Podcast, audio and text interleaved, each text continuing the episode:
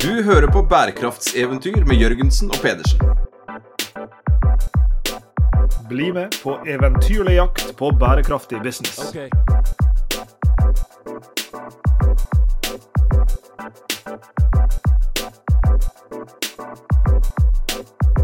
I denne spesialepisoden Sveinung, eh, av Bærekraftseventyr, som eh, er spilt inn i samarbeid med eh, klimafestivalen Varmere, våtere, villere.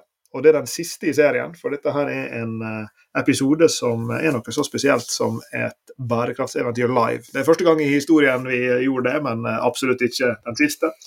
Dette skjedde på den siste dagen av festivalen på, på Kulturhuset, etter at vi hadde sittet i tre dager og snakka med med en, en, gjeng flinke folk om eh, klima, fra klimaforskere til jurister til psykologer og forretningsfolk og, og andre, eh, om klimaproblemet og klimaløsningene, så topper vi det hele på avslutningsarrangementet om kvelden på, på lørdagen der eh, med en bærekraftseventyr live hvor temaet var musikk og klima. Dette var et tema som vi uh, lika fram til sammen med festivalsjef Vilde, som har vært med i denne bærekraftseventyrserien tidligere.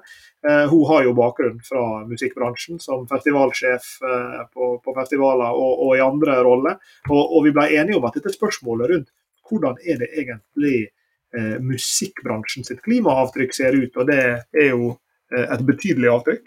og det gjøres ting for å forbedre musikkbransjen og for, for øvrig eventbransjen mer generelt på disse tingene.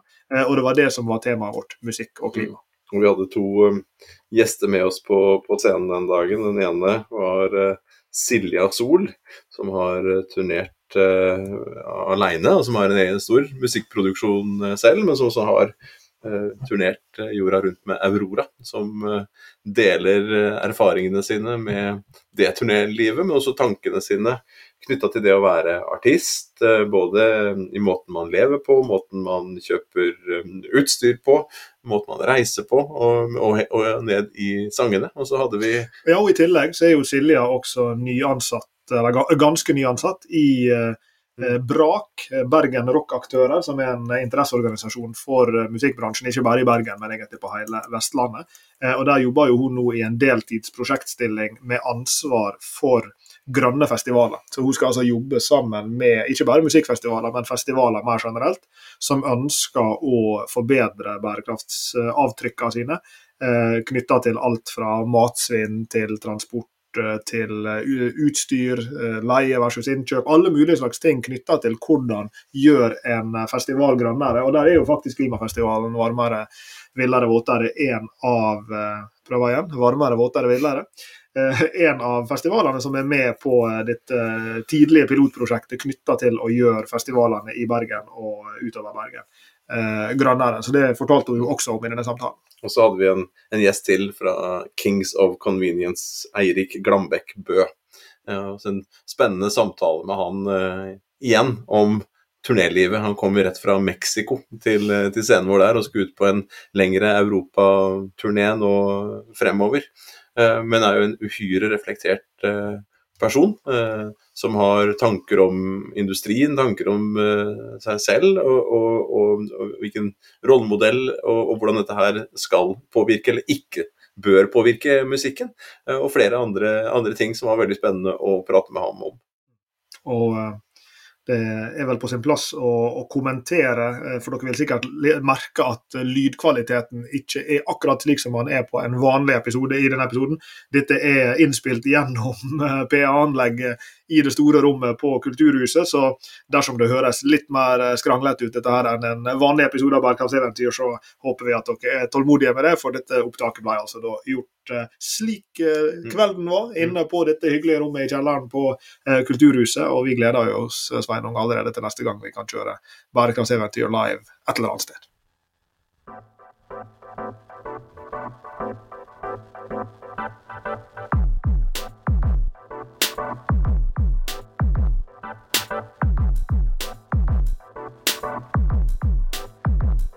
Okay.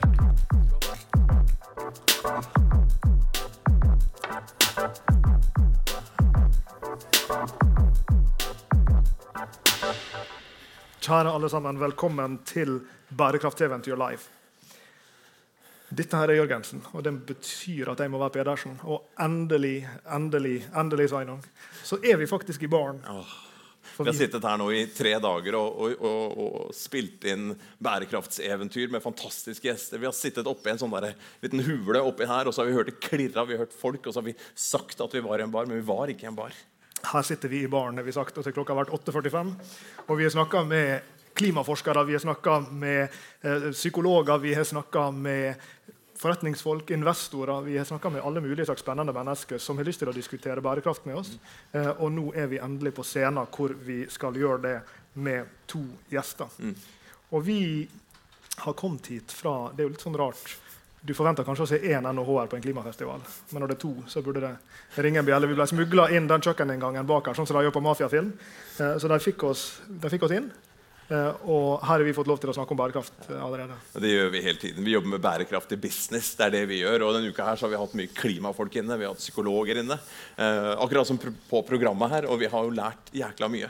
Og så tenkte vi da, Før vi skulle ha denne live podkasten her på scenen, hva er det som kunne vært spennende å, å jobbe med? Så tenkte vi festival, og så tenkte vi hva er det som skjer i, i, her? Hvem er det vi har tilgang på? Eh, og så falt vi ned på musikk. Og det er kanskje ikke det første folk tenker på. Liksom, jo, klima og musikk. Det, det er skikkelig viktig. Men det skal ikke store Google-arbeidet til Lars Jakob før han liksom finner eh, ja, livemusikk i England. Var 400 000 tonn eh, med, med klimagassutslipp? Og én DJ på tur hadde vel en sånn der, nei, Jeg husker ikke tallene i farta, men det var enormt mye. Og en av disse fæle, fæle, stygge sangene som ikke jeg får lov til å si høyt, for da var det visse folk her som fikk den på hjernen, med 4,6 milliarder strømminger, brukte like mye strøm på det som liksom halve Afrika.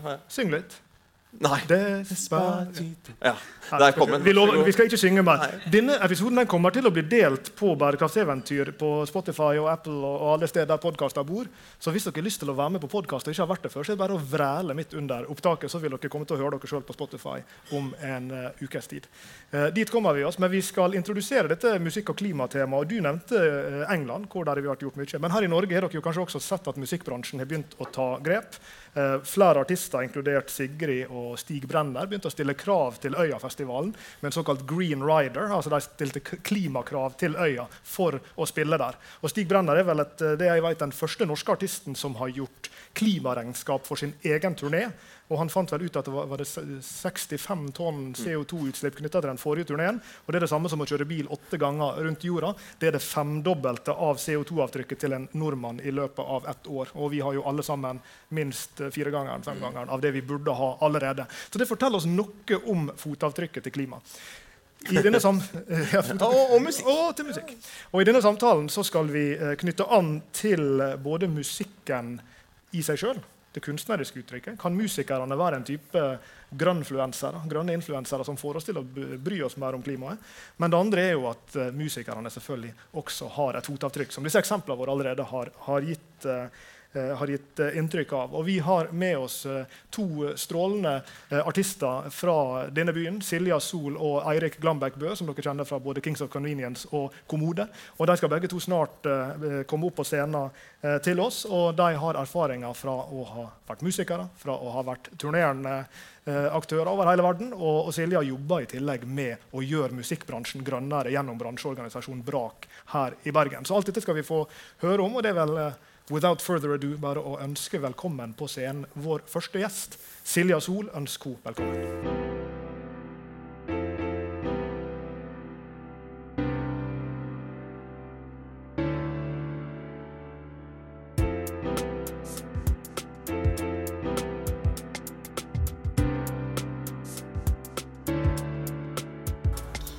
Jeg har kost meg veldig de siste dagene med å ha deg på øret. Veldig koselig å se deg på scenen. Du er her med mer enn én hatt på, Silja. Du uh, er artist med fem album i ryggsekken allerede, og flere på, på vei. Ja. Du har i tillegg vært turnerende musiker blant annet, sammen med Aurora. Mm. og I tillegg så jobber du altså nå som uh, Grønn festival-prosjektleder i Brak. Er dette her en gjennomgangstone i artisten Silja Sol sitt liv? Ja. Eh, kjempeglad i naturen, f.eks. Eh, veldig mange av låtene mine handler om natur, humør, folk og dyr. Og trær. og bær. og sånne ting. Eh, så jeg syns eh, naturen er en kjempeinspirasjon. Og det er ekstremt viktig å følge med på hvordan vi kan gjøre det bedre. Når vi reiser rundt, og når vi starter opp prosjekter. Ja, i det hele tatt. Mm. Vi står på en scene som er ganske grønn nå. i alle fall. Her er noen buskvekster her. Du har sett veldig mange scener rundt i verden. Du jobber eksplisitt nå med scenene her i Bergen. Hvordan er, for, er forskjellene store her med tanke på avtrykkene som du ser på, på scener rundt omkring i verden? Ja, jeg tror, eh, jeg tror, vi er ganske flinke her, men altså, det er jo alltid forbedring. Og når jeg har reist mye rundt i verden, så har jeg sett særlig sånne ting som disse små plastflaskene. De som ikke har springvann de kan drikke. Det er ekstremt mye plastikk rundt omkring. Eh, sånne mykplastflasker som du bare kaster. Eh, det har vært veldig vondt å se. Eh, men så har vi jo vann i springen her, og likevel går vi rundt med flasker. Og ja, Sånne ting er jo ikke bra. Hvordan eh, tenker du, du, du var litt inne på det i stad. for du har liksom to deler. En ting er liksom fotavtrykket man har som artist på, på veien, sånn som du beskriver her. Eh, hvordan tenker du på det som, som musiker i, i, i, den rollen du har overfor andre, de som, som lytter til dette her? Um, jeg tenker jo at det er veldig viktig å formidle de tingene man kan gjøre, i alle fall. Uh, vi når jo ganske bredt. Eh, og det kan være ganske viktig å prøve å nå ut med de små tingene vi gjør. Eh, F.eks. Eh, artister vi er jo veldig opptatt av utseende og klær og sånn. Jeg har jo et forferdelig historisk klesskap som er sånn forferdelig trist å tenke på. Og nå kan jeg liksom være litt mer bevisst. Når jeg har turnert rundt i verden, så har jeg syntes det har vært veldig spennende å gå innom alle disse små secondhand-shoppene. Og se hva som uh, Da får du liksom kontakt med folkene der også, så det er litt stilig. Uh, og, og, liksom fronte det litt, da. Og så kan man jo snakke om all flyingen og sånt. Det er jo helt forferdelig.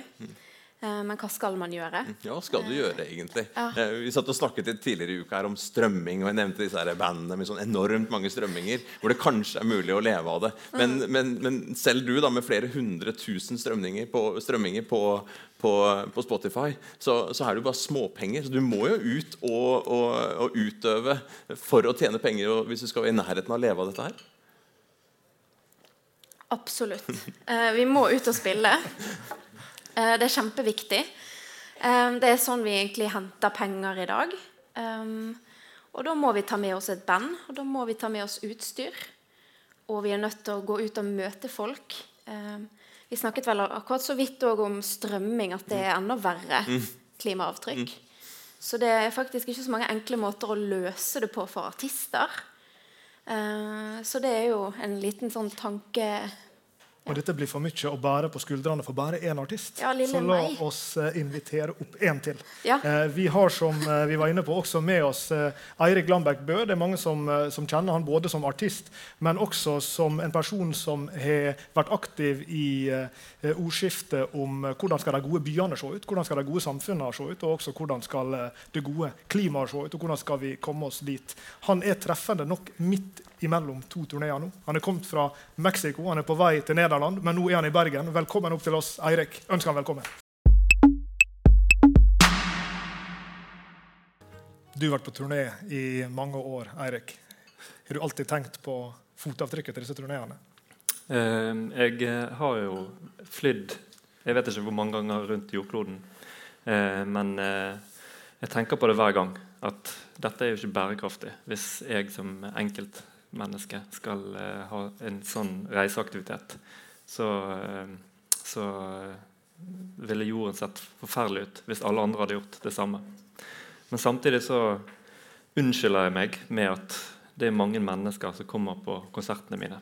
Og alternativet var at alle de skulle fly opp til der som jeg var. Eh, så sånn har jeg da klart å rettferdiggjøre for meg selv. At ja, Den skal jeg ta med meg. Jeg har prøvd det der på dattera mi. Hun gikk på videregående for noen år siden, og så gikk de gjennom klimaregnskapet til alle foreldrene i hele klassen. Og så kom hun hjem til meg sånn 16-17 år og så sa hun, 'Pappa, er det ikke litt ironisk at du som jobber med bærekraft, har det største klimaavtrykket i hele klassen? Hvorpå jeg sa men hvis jeg kan få Coop for eksempel, da, til å endre sitt klimaavtrykk med 1 promille, så kan vel jeg fly resten av, min levetid, tenkte jeg. Og det syns jeg var et veldig godt argument. Hun var ikke enig i det. Nei, så hun kjøpte det ikke. Altså, det er jo litt gøy med sånn eh, påvirkningskraft som man faktisk har. Det er når eh, jeg var med i Jeg har jo turnert masse med Aurora, og der eh, plutselig så var det ingen kjøtt. Det var, Hele bandet ble veggis. og det var jo f.eks. et ganske interessant tiltak som vi egentlig ikke ble informert om på forhånd. Vi ble ikke spurt, men var det, da var det veggis. på en måte. Så det, det likte jeg jo egentlig ganske godt. Og så viser det seg at det er jo veldig mange gode måltider å fikse. Det er veldig mye hummus, men det fins også andre ting. Eh, og det har jo på en måte gjort meg litt mer snikvegetar. Eh, For jeg spiser jo av og til kjøtt, jeg òg. Men eh, nå har jeg blitt mye flinkere til å ikke putte kjøtt i maten der jeg eh, ikke føler jeg trenger det, hvis det er andre ting som måtte, står i fokus. Det er jo noen ytterpunkt her ikke sant, som eh, ja, en må reise for å komme seg til der en skal spille konserter, og, en må spise mens en er der. Og så er det kanskje noen av disse tingene som er enklere å gjøre noe med. Altså Det er enklere å bli vegetarianer her enn å spise rått kjøtt på, på, veien enn det er å finne en alternativ måte å komme seg til Mexico mm. enn eh, med, med, flyet. Eh, og så er det kanskje noen av disse tingene som også er mer um, kall det livsstils, altså Du fronter en livsstil også da, gjennom det å være vegetarianer. og Aurora, som, mm. som du har spilt med, har jo vært tydelig på å kommunisere disse tingene ut. Er det noen av disse grønne livsstilsvalgene som er enklere å få til som artist enn andre? Det er vanskelig å la være å reise, iallfall. Mm. Det, det har, eh, har, eh, vist seg vanskelig. Men eh, eh, eh, jeg tenker at det er, det er flere nivåer her. Du kommer du kommer kanskje ikke til å klare å endre din egen atferd, men eh, som, eh, som, artist så har man en symbolsk betydning. Det er mange personer som forholder seg til deg.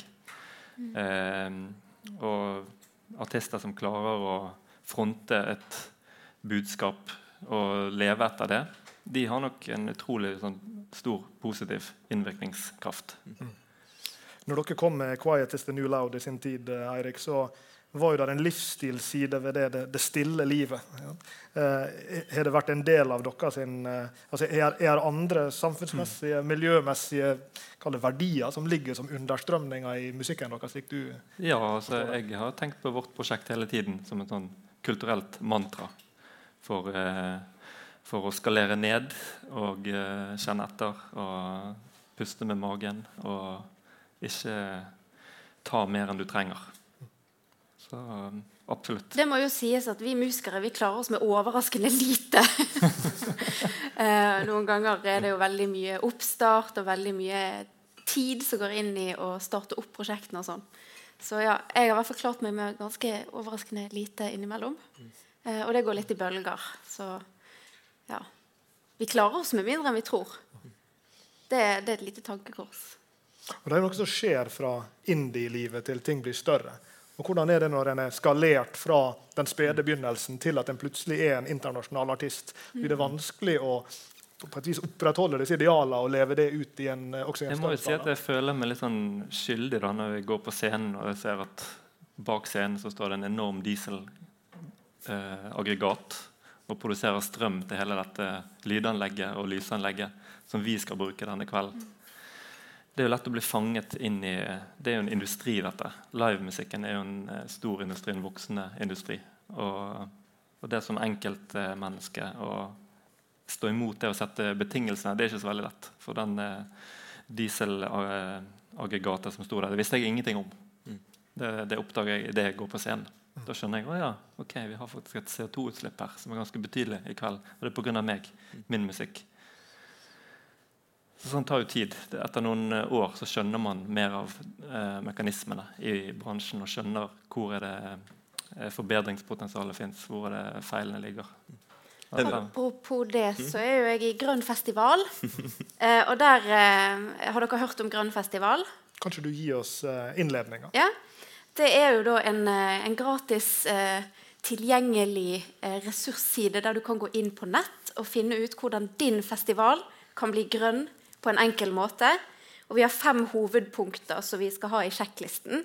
Og det er energi, det er transport, innkjøp, mat og servering og avfallshåndtering. Og Da kan du gå inn på denne nettsiden og enkelt finne alle punktene og gå inn i detaljene der og finne ut hva du kan gjøre på din festival. på en måte.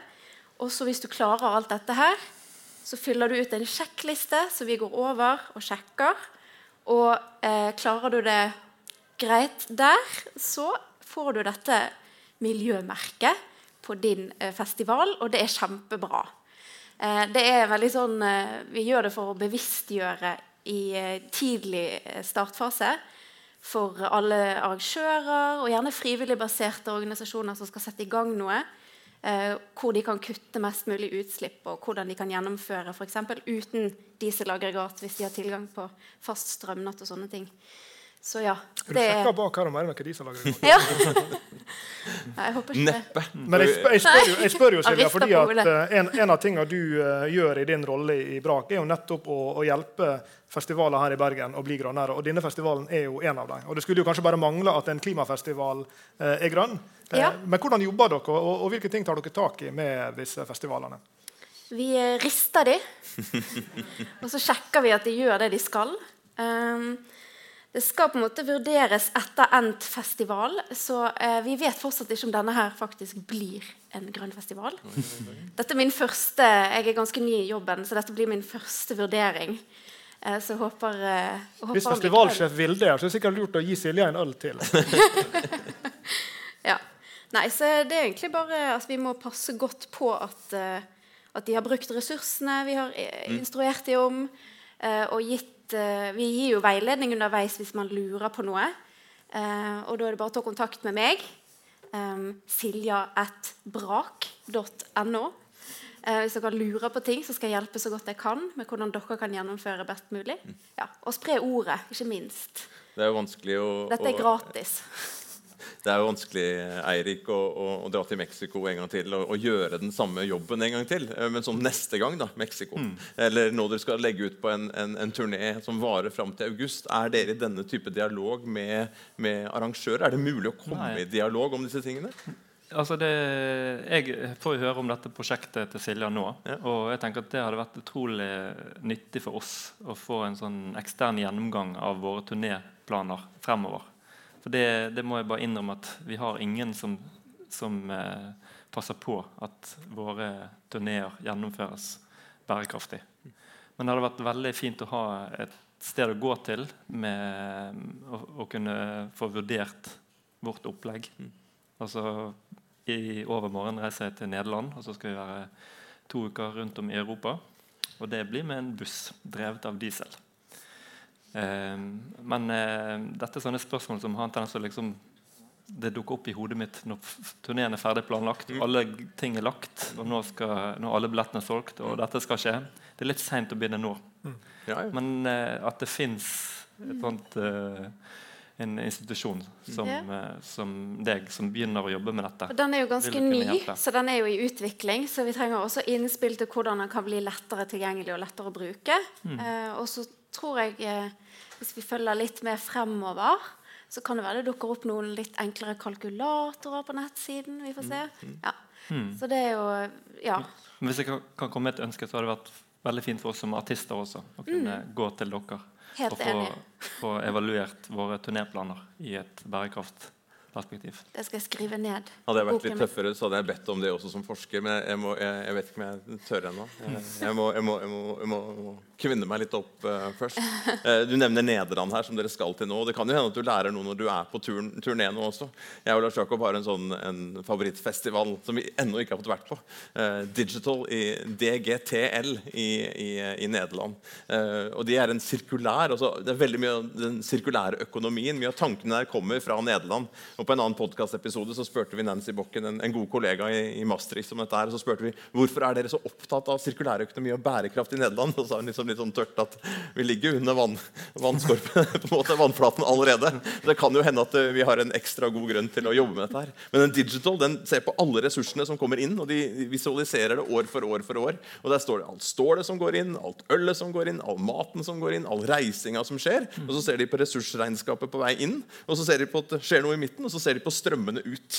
Eh, urinen blir borte i systemet. Eh, maten eh, likeså. Eh, hva med matsvinn? Hva med stålet, som blir brukt som scener osv. På, på nye, nye steder? Og så har de år etter år etter år bygd opp flere og flere partnerskap med bedrifter som tar ut ting som, de, som ikke har et naturlig annet liv, men prøver å gjenbruke det. og sånne ting. De begynte med det sånn type 16, så har de 17, 18, 19. Hoppa over et år nå, og så kommer det en, en festival til. og Det er sånn ett eksempel. Det er bare å tenke på tur også. Så kan det jo hende at man lærer noe hvis man begynner å komme i dialog eh, om det og kan ta med litt kunnskap tilbake, kanskje også til Brak, om, om hvordan man kan gjøre ting enda bedre fremover. Jeg skal være på utkikk. Jeg. Jeg òg. Og Her er jo en samarbeidsdimensjon tenker jeg, som må, må, til her. og Det er jo også noe av det viktige som dere gjør i Brak. For dere hjelper jo de ulike festivalene å dele erfaringer. Og kanskje til og med dele installasjoner. altså Denne scenen blir selvfølgelig brukt igjen og igjen. Mm. Kanskje det er mye annet som også kan brukes på tvers. Eh, og jeg, Med tanke på denne reisinga Eirik, så får jeg en assosiasjon til en litt annen bransje, men det er også eh, arrangement. da. Eh, Bislett Games, som driver med friidrettsstevne i Oslo. De begynte jo med en samarbeidsmodell hvor de fikk overtalt det heter, som tilsvarende Bislett Games, og flytte det til helga etter Bislett Games, slik at de kunne halvere antallet flyreiser ved å fly folk inn til Oslo. Mm. Sende dem på nullutslippstog videre til Stockholm. Eh, og, og, så kan de fly tilbake igjen derfra. Da får du også halvert CO2-utslippene knytta til, tog, nei, til, til, fly. Eh, bare der. Men dette krever jo en samhandlingsvilje og en samhandlingsevne både mellom festivalene, mellom mm. Eh, stevner i den sammenhengen. Men så må en jo også få med artistene på dette. Tror dere som har erfaring fra å være på veien, at mm. en vil over, lykkes med å overtale artister til å legge opp planene sine på en slik måte at en kan kutte utslippene? Jeg tror det, den, det samarbeidet du snakker om der, tror jeg egentlig allerede allerede har etablert seg eh, mellom festivaler. For de har oppdaget for lenge siden at det lønner seg å legge festivalen i mitt land til to dager etter festivalen i nabolandet. Mm. For de vet at artistene er allerede på veien, og det er utrolig mye lettere logistisk sett å fly eh, eller komme seg fra, fra naboland. Mm. Eh, så den, den, type samarbeid tror jeg det fins ganske mye av eh, allerede. Sånn som f.eks. i Bergen så er vel Bergenfest og Norwegian Wood tror de liksom ligger litt sånn, sånn, at de på en måte bytter på artister. Så man, eh, man, ser en god del av den type samarbeid. Og det har jo selvfølgelig også et positivt klimakonsekvens. At eh, det blir mindre reising for artistene. Vi må skifte gir og snakke litt om innholdet i musikken. og vi... Eh, det er jo et spørsmål her, Kan du bry deg om klima, og til og med bry deg eksplisitt om klima som artist uten at du blir helt som Sting i, eh, eller Bono den gangen? Det var noe som var litt sånn usexy med, med all den her eh, det aktivismen som skulle liksom blandes sammen med det mm. kunstneriske uttrykket. Likevel så har jeg en liten magefølelse av at i dag begynner artister å bli flinkere til dette. Og Silja, du har allerede sagt at du synger om eh, på godt bergensk trærne med en ekstra e. Bærene, dyrene. Ja, den handler rett og slett om eh, at alle dyrene dør. Det, er jo, eh, det, er jo, ikke helt urealistisk. Nei, Nei det er ikke helt urealistisk. Uh, men jeg hadde skikkelig skikkelig dårlig drøm der jeg tenkte sånn og Jeg hadde akkurat lest sånn statistisk sett så var det liksom så og så mange dyr som ble utryddet. Og så hadde jeg alle disse her så får meg alle disse fine dyrene som jeg aldri hadde møtt en gang. Bare sett på TV. Og så tenkte jeg tenkte jeg aldri får møte dem en gang. ja, Sånne ting. Og da ble det denne låten her som handler om at vi er nødt til å handle. Eh, for akkurat nå står vi bare og ser på at det bare skjer. Ja. Sorry. Jo, jo. Men uh, som vi sa innledningsvis her, altså valg av tematikk da, på en sånn, sånn uh, live podkast som dette her uh, I går så sto jo Kikki og, og co. han er sagt, og snakka om disse vippepunktene. Mm. Og, og, fortalte om dette. Det er jo det som skjer. og samtidig så står ja, Bjørn på, på Samset på, på, andre siden og sier ja, men vi gjør jo ikke noe. Vi, vi, ser kometen komme, men, men vi, vi, gjør jo for lite med dette her. og da er hun inne på den der kunstneriske siden. Altså, og han, han var også veldig opptatt opptatt av det. Han sto der i går og var opptatt av da må vi fortelle historiene, sånn at vi kan få folk til å handle og forstå det. Jeg har jo vært på mange av uh, disse foredragene og, og, prøvd å forstå ting. Uh, men for, for, meg som ikke har uh, utdannet meg innenfor noen ting som helst. det blir litt vanskelig. Um, så det med sånn juri, det, alt det juridiske og alt dette her uh, tallgreiene Det er jo kanskje litt sånn Og mange begreper jeg aldri har hørt for. Sånn, det blir mye. Så uh, jeg er jo opptatt av at vi skal få det enda mer altså Det er akkurat som at det er liksom noe hemmelig som skjer, og noen har visst om dette kjempelenge og ikke gjort noe. Og så begynner det liksom å komme ut, og så skal vi gjøre noe. Og hva da? Så jeg er veldig opptatt av at vi skal gjøre noe. Men det å få disse narrativene og disse historiene opp eh, og, og gjøre dem tilgjengelige for folk, og gjøre dem nær sagt virkelige for folk. Det er jo noe som mange av folka som har stått på scenen denne uka, har, mm. snakka om. At det er det vi trenger, forbi tallene, forbi liksom, eh, CO2-utslippskuttbehovet uh, osv. Og, mm. uh, og det er jo på en måte det du gjør. Får, får du respons fra dine lyttere, fra dine fans, på f.eks. historier som, som dyrene? Connecter det med, med disse folka at, at det er det som står på spill? Ja, altså De fleste syns han er fin å danse til. men, men, de skjønner jo òg at det er noen dypere tanker i tekstene. Jeg har veldig mange fans i utlandet, da, så da må jeg ofte forklare dem hva det betyr. Eh, det, men det gjør jeg også. Eh, og så har du den eh, Jeg vet ikke om du har fått den 'Løgneren' også. Den handler på en måte i hvert fall om eh, Um, om at det som du sier, er ikke sant. Den er også inspirert av alle, alle, som snakker om ting, og så står de egentlig bare og ikke sier noen ting Uh, som politisk sett Uh, at uh, ja, man ønsker litt mer handling av og til. Ja, så ja. Men det er klart det er et sånn eh, dilemma der at man som artist, hvis man fronter en politisk sak, så blir man veldig fort en sånn type profet som kanskje misbruker den tilliten som uh, mine fans har gitt meg. Mm. For de har jo sagt at 'vi liker musikken du lager'. Og Hvis jeg bruker den posisjonen til å selge et annet budskap mm. enn, den, enn, å gi dem den musikken, så føler jeg at jeg på en eller annen måte har misbrukt tilliten. For det er ikke mitt eh, politiske perspektiv eh, de har valgt å komme på min konsert for, for, å få høre. Det er jo musikken. Så man føler seg litt sånn eh, mm. uredelig hvis man på en måte trår over den grensen. Det er en slags kontrakt der hvor jeg har lov til å uttale meg om musikk, og så gi musikk, og så er det det folk kommer for å høre på. Eh, og så tenker jeg også at Det er en sånn dypere kulturell krise her som handler om kunstens rolle og kunstnerens rolle. For det har jo i mange generasjoner vært på en måte aksept for tanken om at en kunstner er en politisk, kulturell samfunnsaktør som ikke bare holder på med sine egne små greier i sitt eget studio, men som virker ute i samfunnet. Og så føler jeg at jeg vet ikke når skjedde det 50-tallet, 60-tallet, 70-tallet at på en eller annen måte så imploderte kunsten. Og så begynte kunsten bare å handle om kunstneren selv. Og det å, å trå ut og si eh, at denne sangen her, den skal redde verden, eller dette skal bygge opp til en revolusjon, nå skal alt endre seg, det ble på en måte latterliggjort etter jeg tenker ja, sånn eh, hippiebevegelsen og peace and love. Så ble kunsten på en måte Den spilte fallitt som endringsfaktor i, i samfunnet. Og så ble det en sånn merkelig idé innenfor uh, ulike kunstarter at kunstnerens rolle det er bare å uh, behandle sitt eget liv. Altså Kunstneren gjorde seg selv til uh, målet for kunstprosjektet. Mm. Og dette bare aksepterte alle. Og det handler, det handler om store ting. Individualismen som, som som en ideologi. At det, vi har bare oss selv. Vi, er, vi står bare ansvarlig for oss selv.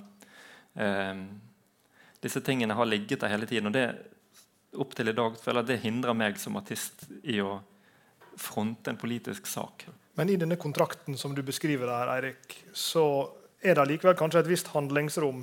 Og Hvis jeg kan få lov å karikere litt, så ville jeg blitt veldig overraska hvis det kom en Kings of Convenience-låt på neste album som var liksom pro eh, våpen. Liksom. Ja, la, la, oss liksom frislippe våpen. Det ville vært veldig overraskende. Men hvis det kom en, en låt som um, talte for eh, et less is more, en less is more-livsstil. Mm. Du kan klare deg med mindre, du kan leve mer ja, eh, så, så vil jeg kanskje synes at det var innenfor rammen av det jeg tenker på som altså, det kunstneriske prosjektet, eller den, liksom, det, det, universet dere har skapt. Da. Eh, så opplever du at det likevel er et handlingsrom innenfor? Jeg, jeg, jeg, opplever jo at jeg er en aktør som påvirker en del mennesker. Og jeg påvirker folk gjennom min musikk. Men det, det skjer ikke direkte. Det er ikke sånn at mine politiske synspunkter de kan jeg fronte i mitt prosjekt. Det opplever jeg ikke. Men jeg opplever at indirekte har vi en stor uh, innflytelse gjennom å fronte en annen måte å leve på. Og, og, uh, og det handler om hvordan jeg eh, fremstår som, som, artist i offentligheten. Så I dag senest så fikk jeg en e-post fra Renault, det franske bilmerket. og de tilbød masse penger for at vi skulle spille en sang, og så skal vi legge den ut på sosiale medier. Og det skulle handle om en ny Renault-bil. og vel, det var veldig nå, er, nå er jeg spent. Nå er jeg spent. det var veldig lett å si nei til. det. Mm. Eh, for det er en sånn type Var det ikke elbil? altså? Eh, jeg sjekket faktisk ikke. Altså, jeg, jeg, er ikke selv noen fan av elbiler. Så jeg er litt sånn eh, mot bil generelt. Så jeg, jeg, sjekket, jeg, gikk ikke så langt å sjekke da. Men eh, det ville vært en sånn type misbruk i den andre retningen av, mitt, eh, av, kontrakten som jeg har med mine Vi introduserte jo Silja her med, som en person med flere hatter. Uh, har du også da flere hatter? Uh, jeg har en sang som heter 'Hatten'. Fordi når jeg går inn på din åpne Facebook-profil, f.eks., mm. så, så er det jo ikke noe mangel på meninger. Mm. Uh, der er du drittøff. Uh, hvem er du da? på en måte? Ja. Er, det, er, det, en annen kontrakt? Er det et annet publikum? Er du en annen person? Det er et dilemma jeg har hatt. For jeg har jo veldig mye meninger om byutvikling og om eh, miljøspørsmål. Og Før var det veldig enkelt på Facebook, for da kan du, velge, da kan du targete ditt publikum. Så da kan jeg bare velge sånn folk jeg kjenner som bor i Bergen. Og så kan jeg skrive en lang eh, sak om Bybanen i Bergen. For eksempel. Men eh, nå gikk Facebook vekk fra det for noen år siden. Så nå må jeg snakke til, til alle mine lyttere i hele verden hver gang jeg sier noe. Og da har jeg blitt mye tausere. For det er mye vanskeligere å finne et budskap som jeg kan rette til folk rundt om i hele verden. Kan vi se for oss en uh, Silja Sol-låt i en uh, Renault-reklame eller reklame for andre typer brands? Altså, Hvordan tenker aldri, du rundt disse tingene? Aldri fått tilbudet. Uh, jeg, tror ikke, jeg, tror ikke, jeg har akkurat tatt lappen, men bare for sånn elbil. automatgir. Um, og jeg tenker at Ja, nei. Jeg tror ikke det, altså. Uh, men uh, jeg fikk en gang, en gang ble spurt om å, å, være med på en sånn melkereklame, og det sa jeg ja til. Og Den var usedvanlig fin. Hva het den låta for noe? Sunny. Ja. Ja. ja. Den er fin. Det er ikke jeg som har lagd den, men uh, den er fin. Du sang den der? Sang den, ja. Men du kunne, jo ha, du kunne jo kanskje ha hatt en låt i en reklame for bær? Kan vi få altså, høre bær? Jeg må få ansette dere. Ikke sant?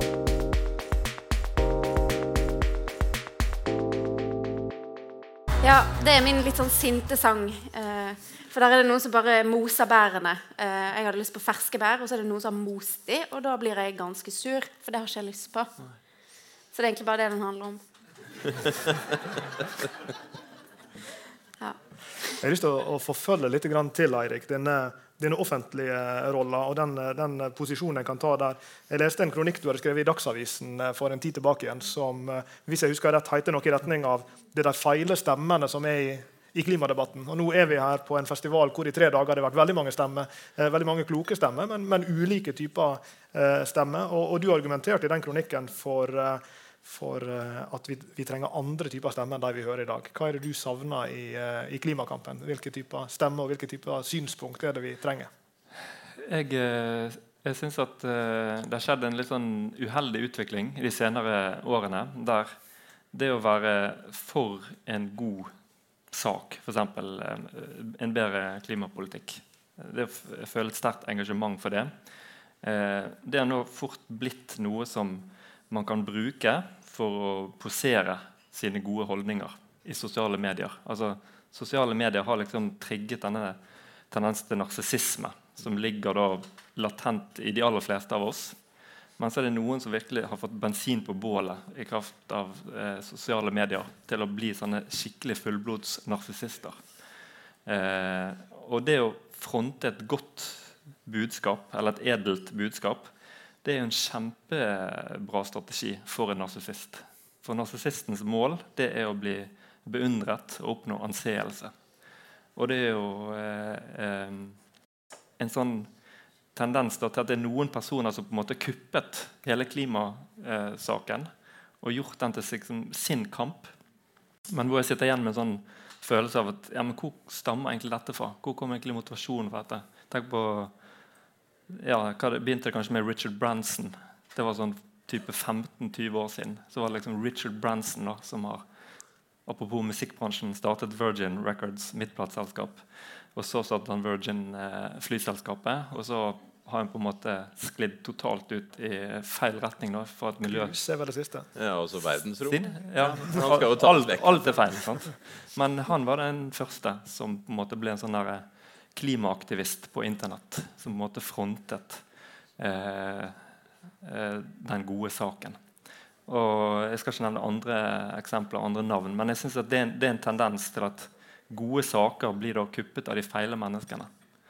Og så mister saken litt slagkraft, for det blir på en måte utydelig hvem er det som egentlig står bak dette. Man begynner å forbinde disse f.eks. klimakampen med Richard Branson. Og så forsvinner hele momentumet i, i, i saken. fordi det stammer fra en person som åpenbart bare vil promotere seg selv og fronte sitt egen nye business-idé. Hvem, hvem skulle du ønske å se det er det. Det er kanskje de man ikke har sett. Altså De som ikke naturlig søker til scenen, og som naturlig søker eh, ja, rampelyset. Dalai Lama. Men i dette bildet som, som Eirik tegna opp her, er ikke det da nettopp et rom for at artistene, de som nettopp har det samme store nedslagsfeltet, men som har det, kall det med en, en mer positiv klangbunn da, kanskje for folk flest, at det er nettopp de som bør ta ansvaret og steppe opp og tross disse utfordringene med kontrakten med, med lytterne og, og, fansen der ute, likevel burde bruke den påvirkningskraften en har til å det, konkurrere med Richard, Richard Branson. Han i ja.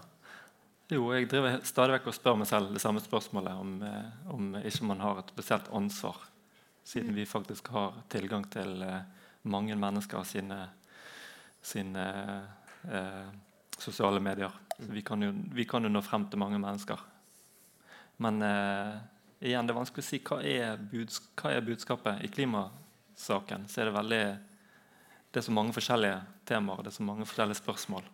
Jeg har ikke liksom ett eksempel, budskap. Ja, det er lettere å ta sånne humanitære saker, enkeltsaker, kriser som oppstår veldig tydelig foran oss, mens klimakrisen er mer en illusjon. Den har ikke skjedd ennå. Så det er litt vanskelig å ta tak i det, mm. og vi trenger noen som gjør det. Jeg òg savner det veldig. Mm. Hvis jeg kan utfordre dere på en parallell. Eh, vi har en, eh, en situasjon i, i, Ukraina nå som gjør at veldig mange har valgt å ta eh, avstand fra Russland. Enten mm. ved å eh, trekke seg ut, ved å stenge butikkene sine i Russland osv. Eh, ville, det vært, eh, ville dere hatt den samme motforestillinga mot mm. å å ytre dere eller å ta grep knytta til f.eks. å avlyse en turné i Russland, eller hva det nå enn måtte være? Eller er disse tinga som, som, du er inne på, Silja, ulike i, i sin natur? Eh, disse problem, ulike problemer dere kan eh, ta en posisjon på? Det blir, altså, det blir vanskelig for en artist å vite helt hva man kan gjøre. sånn som du sier. Er, vi trenger de større stemmene som vi kan delegere videre til. Vi synger så mye vi vil om dyr og trær og natur. og og god stemning. Um, men det er ikke alltid det er nok. Vi trenger de sterke, ledende kreftene som sier hva vi skal gjøre. Og det må skje. Mm. Det vi snakker, snakker, ofte om uh, innafor gjerdet og utafor gjerdet med, med, bedrifter. Hva er det man kan gjøre innafor, og, og, hva er det eh, kundene til Hansa gjør med, med produktet? Eh, I det øyeblikket jeg har det her i, i, hånda, tar jeg ansvar for det? Gir jeg det til, til barna mine? Mm. Hvordan agerer jeg etter at jeg har drukket for mye av det? Eh, det er jo på en måte utafor gjerdet, men det er jo en del av ansvaret til, til bedriftene.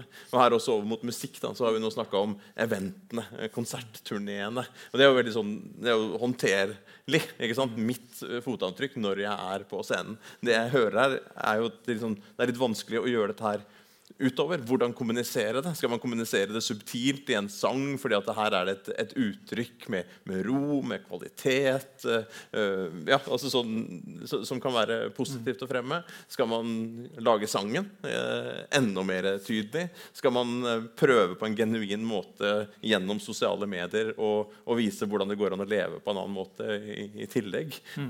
så det er liksom, liksom hva, det innafor, det, det, har dere jo tross alt kontroll på. Det er jo ikke, det er jo ikke boks ennå som, som, som, bransje. Vi ser jo her at det er et stort eh, potensial. Men så er det spørsmålet jeg hører sånn utenfor. Hvilken rolle skal man ha? Nancy Bokken som jeg nevnte i stad, har en, en, en, en artikkel eh, av nyere dato som heter 'Ubærekraftige forretningsmodeller'. Unsustainable business models. Og, en, og Det er lett å gå på energi, det er lett å gå på de som lager klærne våre osv., men hun har media som en av dem. Mm. Eh, og media, en av de tingene hun trekker fram der Én ting er innafor. Vi, vi, vi, vi, printer ut på begge sider. og Det er liksom ikke måte på hva de gjør internt, men hva er det de kommuniserer ut? Og hvilken rolle er de har da, på, på mote, f.eks., sånn som du sa. da. Er det, hva er det man er med på å, reklamere for? Eh, og hvilken stemme er det man kan ha? Jeg opplever her at Det er litt, sånn, det er litt sånn vanskelig å finne kanskje den genuine måten å gjøre det før man føler at man tipper over. Men er det, er det noe håp? Jeg, jeg ble litt sånn, ble litt sånn Oi, er det mulig å gjøre det, Erik? Er det mulig å finne en måte å gjøre dette her på genuint? Mm. Jeg vet ikke. Nei. ikke jeg heller. Det handler jo om de strukturene rundt som, eh, som vi savner litt tydeligere. Eh, det å kunne henvise direkte. Her er mine fans. Her eh, kan du gjøre dette. Eller her kan du gjøre dette. Det blir veldig mange sånne små punkter. Vi trenger noe litt større samlende. Mm. Det, det må vi ha. Og det tror ikke jeg er en, en artist. Det må kanskje være noe annet. Og Derfor er det jo kanskje så viktig de initiativene som dere nå tar i Brak, og som får ringer i vannet ut i, i første omgang lokale aktører her, men dere jobber jo også utover i landet til, til andre eh, scener. Eh, og så vil jo disse praksisene kanskje spre seg. Tror du at den neste Silja Sol-turneen vil være informert av arbeidet ditt med Grønn festival? Får vi en grønn eh, Silja Sol-turné? Ja, jeg har veldig lyst å være helt grønn. Nå har jeg vært ganske grønn i to år, og jeg er helt grønn i denne nye stillingen min. og da eh, Det skal nok gå veldig fint, tenker jeg. Det har jo vært stille med korona, og da har vi hatt tid til å tenke litt. Og hva kan vi forbedre? Gå inn og se på rideren. Hvor kan vi kutte? Hva kan vi endre? Eh, så nå når vi skal ut igjen og turnere, så håper jeg de har laget sånne superkule fly, så vi kan fly uten at det, det blir forferdelig. Ja, bla, bla, bla. Men ja, nei. Det er bare å bli grønnere og grønnere. Og det er bare kast grønne ting mot meg, gjerne. Så jeg vet liksom hva det skal være. Og hvis det er noe jeg ikke har fått med meg, så trenger jeg også å vite det. Um, ja, Og så har man jo faktisk allerede et ganske kult konsept som heter Clean Sounds der er det jo veldig mange De går inn og hjelper eh, Eller finner liksom disse frivillige organisasjonene som rydder og samler inn eh, søppel rundt langs kysten. Og så får de inn en artist etter denne innsamlingen. Og så eh, spiller denne artisten som en takk. Eh, og som en sånn samling. Det er det noen som har vært med på det? Det er i hvert fall veldig kult. Eh, det kan dere sjekke ut når skjer på nett og sånn. Ja. Sånn bare tips. Det er noen, noen eh, mer konkrete saker innenfor klimaspørsmål som er litt enklere. Altså F.eks. vern av regnskog. Mm. Veldig lett å være for. Mm. Ganske lett å ta et standpunkt der og si nei til hogst og nedbrenning av eh, Amazonas f.eks. Og nå skal vi på turné i Brasil i november. Og da tenker jeg at dette er en sak som vi kan ta opp når vi er i Brasil. Mm. Det, er jo et politisk spørsmål. Mm. I, det er jo et veldig konkret politisk spørsmål mm. i Brasil, der ja. Bolsonaro har en eh, politikk der det er fritt frem for eh, økonomisk utvinning av regnskogen. Og eh, hvor da den jevne brasilianers syn på dette har faktisk en helt konkret betydning. Mm. Eh, tenker at Det vil være en sånn type sånn sak som vi det kan vi faktisk gjøre noe med. Ja, Det har jeg også gjort. Ja, jeg skulle bare si det. Fortell. Nei, det var bare det jeg skulle si. I Brasil? Når jeg var i Brasil, så ja. var det, det var regnskog og sånn, og da så brant. Og så var det, ja, da ja. annonserte jeg det på Instagram. bare, Vi må gjøre noe, liksom. Mm. Ja. Så Sånne ting gjør man jo. Men å f.eks. Eh, være medlem i sånn Fremtiden i våre hender og dele gode, kloke råd og tips og sånn, det er veldig bra. Sånne ting gjør man jo. Jeg gjør det i hvert fall. Jeg håper flere gjør det. det. Når vi snakka sammen i forkant, jeg og du snakka på telefonen i formiddag, Eirik, så sa du at her eh, er det mange spørsmål som du har mange synspunkt på, som du har tenkt mye på, men du, du kommer ikke hit med noen svar. sa du. Og Det har vi vel til felles, alle sammen. Men det viktigste nå kanskje i musikkbransjen er at denne samtalen i alle fall er i gang. Mm. Og vi ser at det skjer ting eh, på artistsida, vi ser at det skjer ting på arrangørsida. Disse samarbeidene begynner å vokse fram. Her er institusjoner som hjelper til for aktører som Klimafestivalen vi er på nå, og andre festivaler til å gjøre dette bedre. Vi har som vi pleier Sveinung, i Bærekraftseventyr, satt i gang en samtale. Mm. i alle fall. Vi skal si tusen takk til Eirik og til Silja for at de eh, var med. Gi dem en eh, varm applaus. Du har hørt på Bærekraftseventyr med Jørgensen og Pedersen. Send e-post til eventyrkrøllalfa.jorgensenpedersen.no for å stille spørsmål eller komme med forslag til tema for fremtidige episoder. Og besøk jorgensenpedersen.no for mer informasjon om denne podkastserien. Okay. Derfra kan du også fortsette samtalen med oss i sosiale medier på Twitter, Facebook, LinkedIn, YouTube og andre steder.